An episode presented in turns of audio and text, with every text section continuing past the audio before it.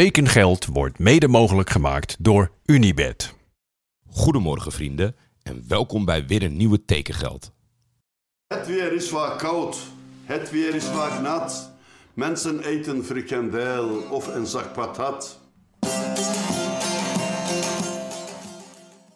Zo, dit tijdstip is een stuk beter om te gaan zitten en te kletsen over voetbal.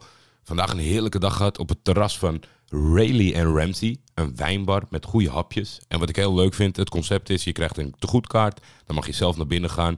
En daar staan allemaal vitrines met flessen erin. En dan zit er een systeempje op, doe je tegoedkaart erin. En dan kan je kiezen of je wil een slokje, of je wil een klein glaasje, of je wil een vol glas.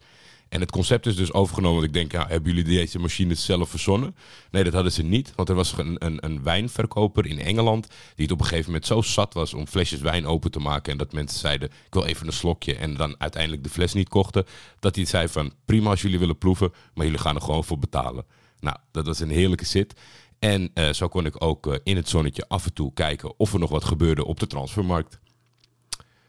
En dat gebeurde er zeker. Robin Ruiter is aangetrokken door Cambuur. De 35-jarige keeper was sinds de afgelopen winterstop transfervrij. Ik vroeg de kruikenzeiker van de Korvelse Kant podcast naar zijn periode bij zijn laatste werkgever Willem II. Hoi Jordi. Ja, in Tilburg is de ervaring met Robin Ruiter niet echt positief te noemen. Hij heeft namelijk onze club heel erg veel geld gekost. Um, dat is een, uh, iets wat je Willem II mag aanrekenen, maar ook Robin Ruiter zelf. Um, Willem heeft hem overgenomen van PSV uh, met een, een, transfersom van een paar ton. Wat voor Willem II natuurlijk gewoon veel geld is. En daarbij werd Robin Ruiter een van de grootverdieners van de selectie. En dat geld heeft hij eigenlijk nooit waargemaakt. Vanaf het begin was het niet echt een keeper die punten pakte. Sterker nog, hij ja, reeg eigenlijk de, de fouten wel aan één. Heel veel doelpunten tegen waarvan je toch dacht van nou, die had hij toch misschien wel moeten hebben.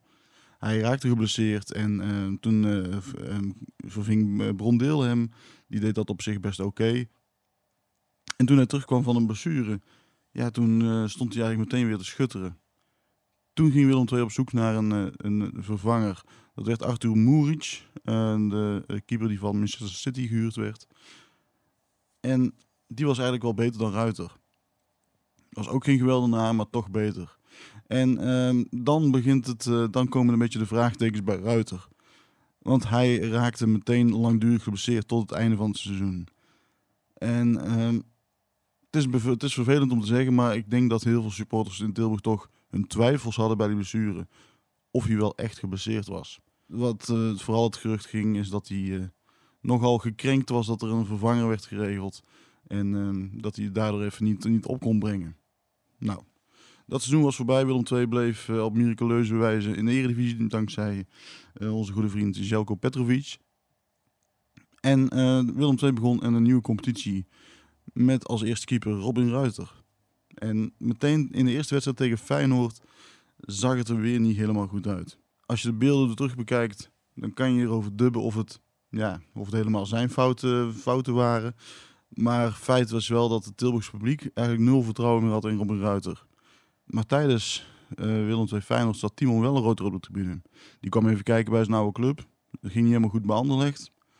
En 1 en 1 is 2. En Timon Welleroter werd uh, tijdelijk gehaald als vervanger van Robin Ruiter.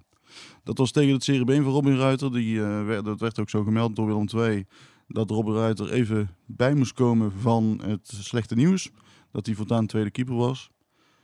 Maar Robin Ruiter kwam niet meer terug hij trainde niet meer mee en um, ja, die, die bleef gewoon weg.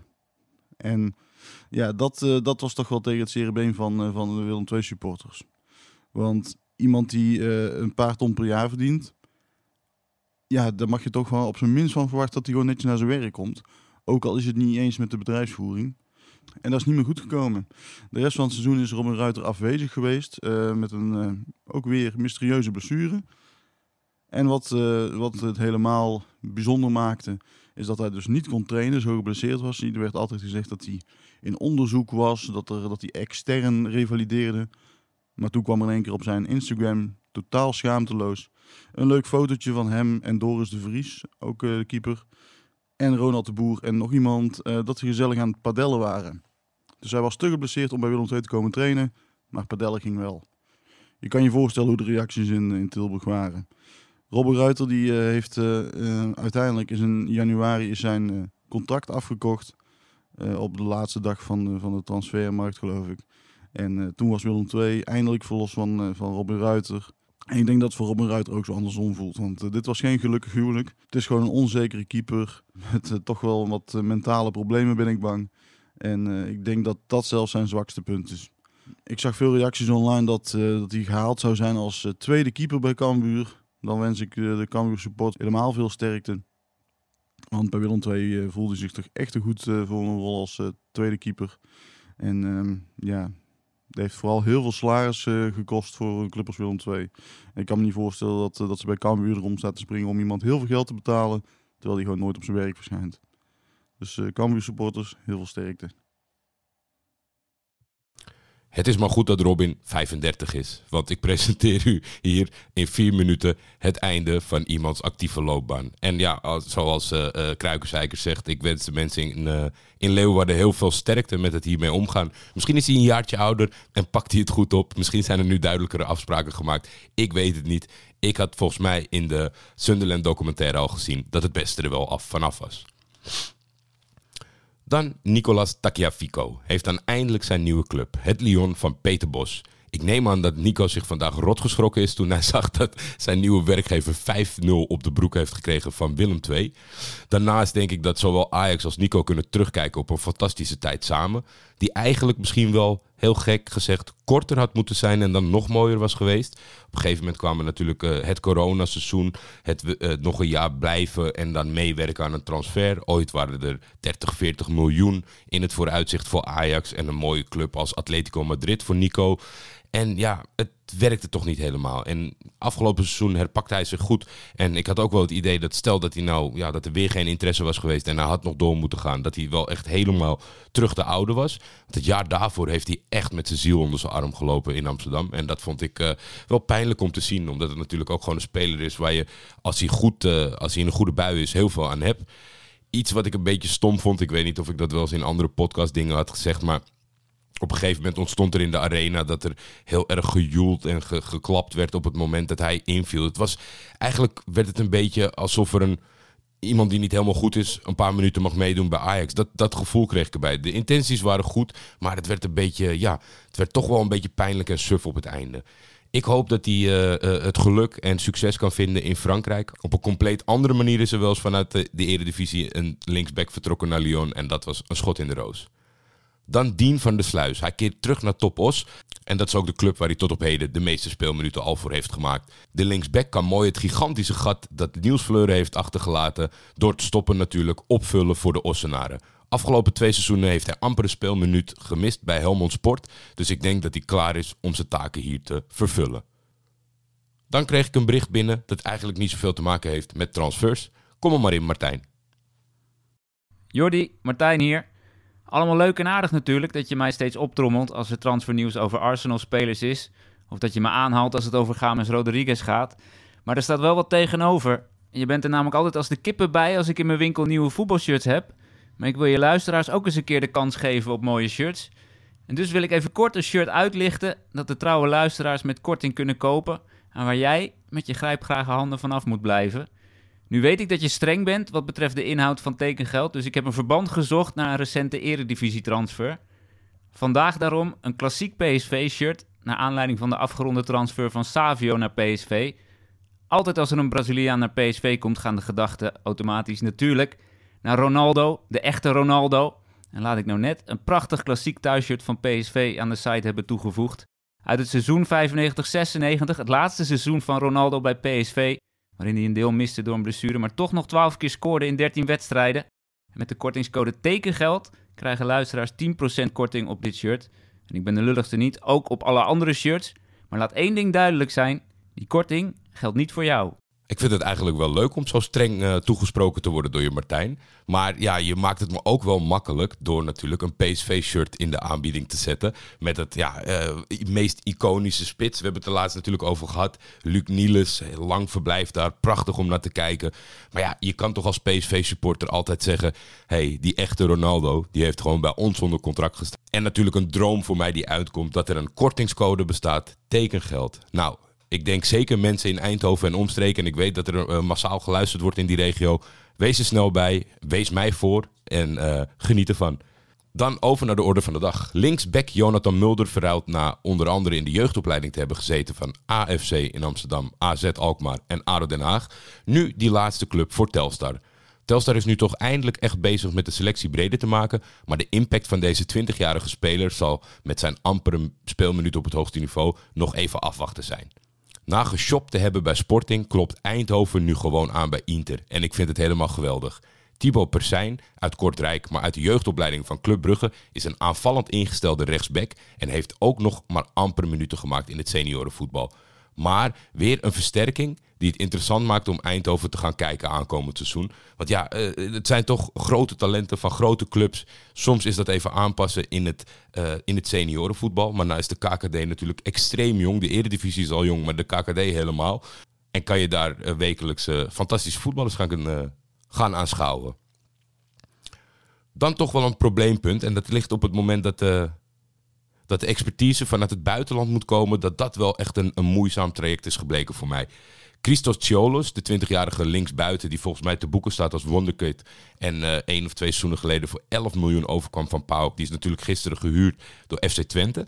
Nou leek het mij heel leuk om iemand echt aan het woord te horen die uh, heel veel wedstrijden van deze jongen heeft gezien. Dat heb ik zelf niet. En ik heb ook zelfs alleen maar, omdat ik deze editie van Voetbalmanager niet heb, niet speel, uh, wist ik ook niet van het stempel Wonderkid wat dat betreft. Hij heeft natuurlijk in de Premier League nog amper minuten gemaakt. Dus het leek mij leuk om daar iemand voor te vinden. Het was uh, praktisch onmogelijk. Ik heb vier Norwich City Watchers aangeschreven ook niet iedereen heeft meteen gereageerd op mijn eh, DM of verzoeken tot DM. Dus wie weet komt het nog. Ik vind dat wel interessant genoeg. Want ja, het is een speler die, die tot de verbeelding spreekt. Daar wil je meer over weten. Daar wil je goede informatie over krijgen. Dus mocht iemand zich nog melden, dan gaan we dat gewoon van de week alsnog laten benoemen. En hetzelfde geldt natuurlijk voor de 23-jarige aanvallende middenvelder die Feyenoord heeft gepresenteerd. Sebastian Zimanski. En ja, dat vind ik toch wel het meest opmerkelijke feit. Dat je denkt dat uh, als Dynamo Moskou een speler verhuurt aan Feyenoord, dat er of in ieder geval een vervanger voor is gekomen. Ze hebben ooit 5,5 miljoen voor hem betaald aan Legia Warschau, waar hij zijn opleiding heeft genoten. Of dat het een speler is die niet in de plannen voorkomt. Dus zij hebben hem gekocht, valt tegen, maakt niet veel minuten, dure jongen, geef hem een kans. En misschien als het bij Feyenoord raak is, dan uh, hebben we er weer wat aan. Maar tegendeel is waar, want deze jongen heeft de afgelopen twee seizoenen gewoon compleet in de basis gestaan bij Dynamo Moskou. Dus ja, en dan heb ik ook nog eens uh, extra gecheckt of ze niet een vervanger hebben gekocht. Want dat is natuurlijk wel in de poenerige competitie. Al staan ze natuurlijk nu niet in de rij om naar Rusland te gaan. Misschien heeft dat er ook wat mee te maken dat de Pool heeft besloten van ik wil gewoon lekker voetballen. En de club kan daar volgens mij momenteel niet zo heel veel tegen doen. Maar ook daarvan denk ik van ik wil gewoon iemand horen in deze show die twee seizoenen alles heb gezien van Dynamo Moskou. Ik heb wat jongens op het oog. Eentje die was jammer genoeg in het stadion nu bij de oefenwedstrijd van Bayern München. Maar misschien dat hij morgen het nog leuk vindt om wat in te sturen. Dus, daar, dus mijn intentie is zeker om daar heel ruim uh, op terug te komen. Feyenoorders die uh, dan gaan melden van is hij nou onze transfer vergeten? Nee, dat ben ik niet. Maar ik ben gewoon eerlijk en zeg dat ik Sebastian niet vaak heb zien voetballen. Niet vaak, nooit. Dus ik ben voor jullie bezig. Dan tot slot. Het is Excelsior geworden voor Yassin Ayoub in plaats van Fortuna, die lang met de Marokkaanse middenvelden bezig zijn geweest. Afgelopen jaren hebben wij maar weinig gehoord over Yassin in de voetbalmedia. En ook nog minder gezien. Dus daarom dacht ik, ik zoek een Grieks voetbalexpert. En die ken ik wel al jaren via Twitter. En dat is Dimitris Netilidis. En ik heb hem gevraagd om eens aan ons uitgebreid te vertellen hoe dat avontuur van Yassin nou is verlopen in Griekenland. Hey Jordi, Um, er valt niet zo heel veel te zeggen over de carrière van uh, Yassine Ayoub bij Panathinaikos. Althans, niet op het veld. Het is eigenlijk een, um, ja, een inschakeling van uh, ongelukkige momenten, blessures, trainerswissels en dergelijke. Dus hij is in 2020, in januari is hij naar uh, Panathinaikos gekomen. En uh, Jorgos Donis was toen de trainer. Dat is die uh, oude flankspeler van Panathinaikos. In de jaren dat ze tegen Ajax gespeeld hebben. Uh, in het Olympisch. Hij is vervolgens toen naar Blackburn gegaan, onder andere. Hij heeft hem gehaald. Hij heeft hem ook groots aangekondigd als een speler die ze nodig hadden. Als een speler die nou ja, de sleutel moest zijn naar, naar succes. als, iets, als een speler die eigenlijk uit een, uit een categorie kwam die ehm, Waaruit normaal gesproken Panathinaikos niet, eh, niet eh, spelers kon halen. Ehm, hij is dus in januari gekomen, 2020. Eh, vervolgens heeft hij de eerste paar wedstrijden in de competitie niet gespeeld. Omdat hij fysiek er nog niet klaar voor zou zijn geweest. Vervolgens speelt hij wel eind februari een wedstrijd. En dan raakt hij geblesseerd aan zijn knie. En is eigenlijk gewoon de rest van het, eh, van het seizoen eh, is hij uitgeschakeld. Uh, wordt ontslagen, want Panathinaikos heeft een dramatisch seizoen in 2020. Seizoen, 19 seizoen 2019-2020. Donis wordt vervolgens ontslagen. Dus de trainer, die, ja, goed, de trainer die hem gehaald heeft, is weg. Er komt een Spaanse trainer, Dani Poyatos, die in de jeugd van Real gewerkt had ervoor.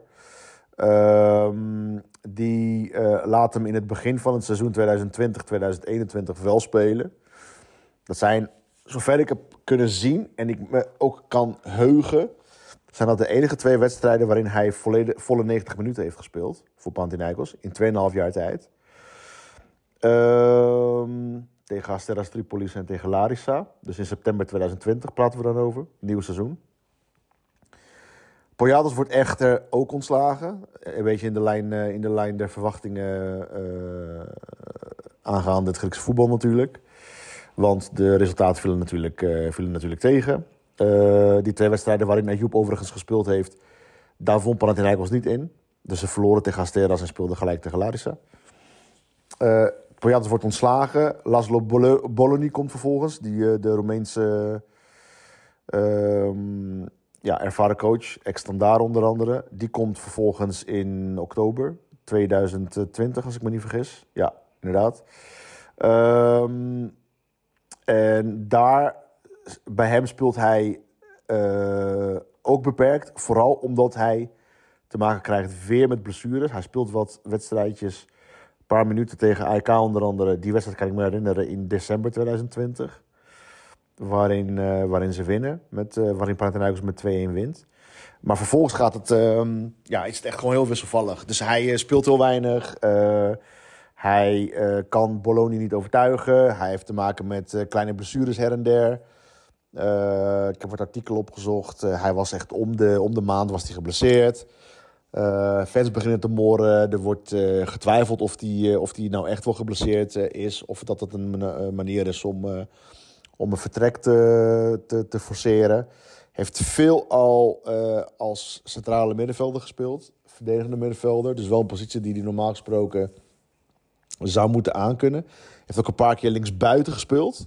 Of links op de flank. Ja goed, dat was dan uh, niet, uh, niet heel gelukkig. Maar nogmaals, al, ja, hij heeft 18 wedstrijden gespeeld bij Panathinaikos in 2,5 jaar tijd. Waarvan dus maar twee wedstrijden de volle 90 minuten. Uh, Bologna werd ontslagen vervolgens, uh, hoe kan het ook anders, in uh, mei 2021. Dus die heeft er ja, nog niet eens een seizoen gezeten. Dus dat is vorig jaar. ja, vorig jaar inderdaad, ja.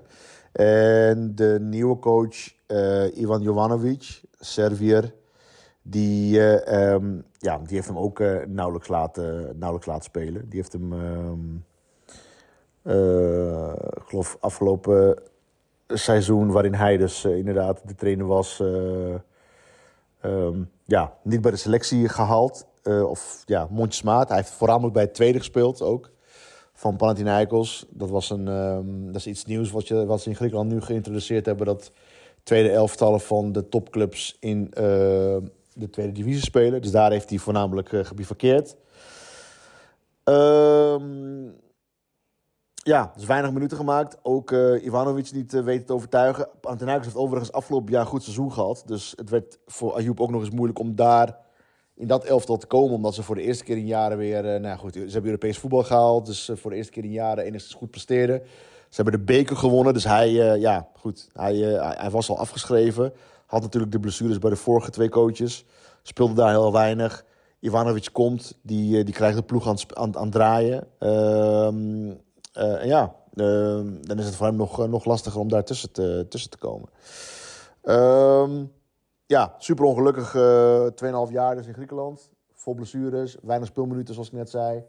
Ik las overigens dat ehm, hij, dus, hij heeft dus nog een jaar contract. Of hij had nog een jaar contract. Panathinaikos wilde zo graag van hem af. Er was natuurlijk uh, even sprake van dat hij bij Fortuna zou gaan tekenen.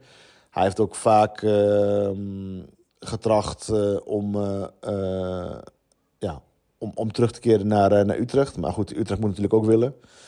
Ehm, Fortuna was dus sprake van dat hij, dat hij daar naartoe zou kunnen gaan.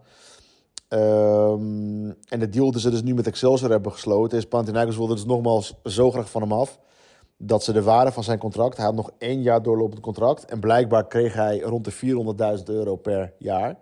wat voor Griekse begrippen enorm veel geld is. Zeker voor iemand die zo weinig speelt. Um, Excelsior neemt een deel van het contract over. Wordt gesproken van de helft. Nou, ik, ik betwijfel dat.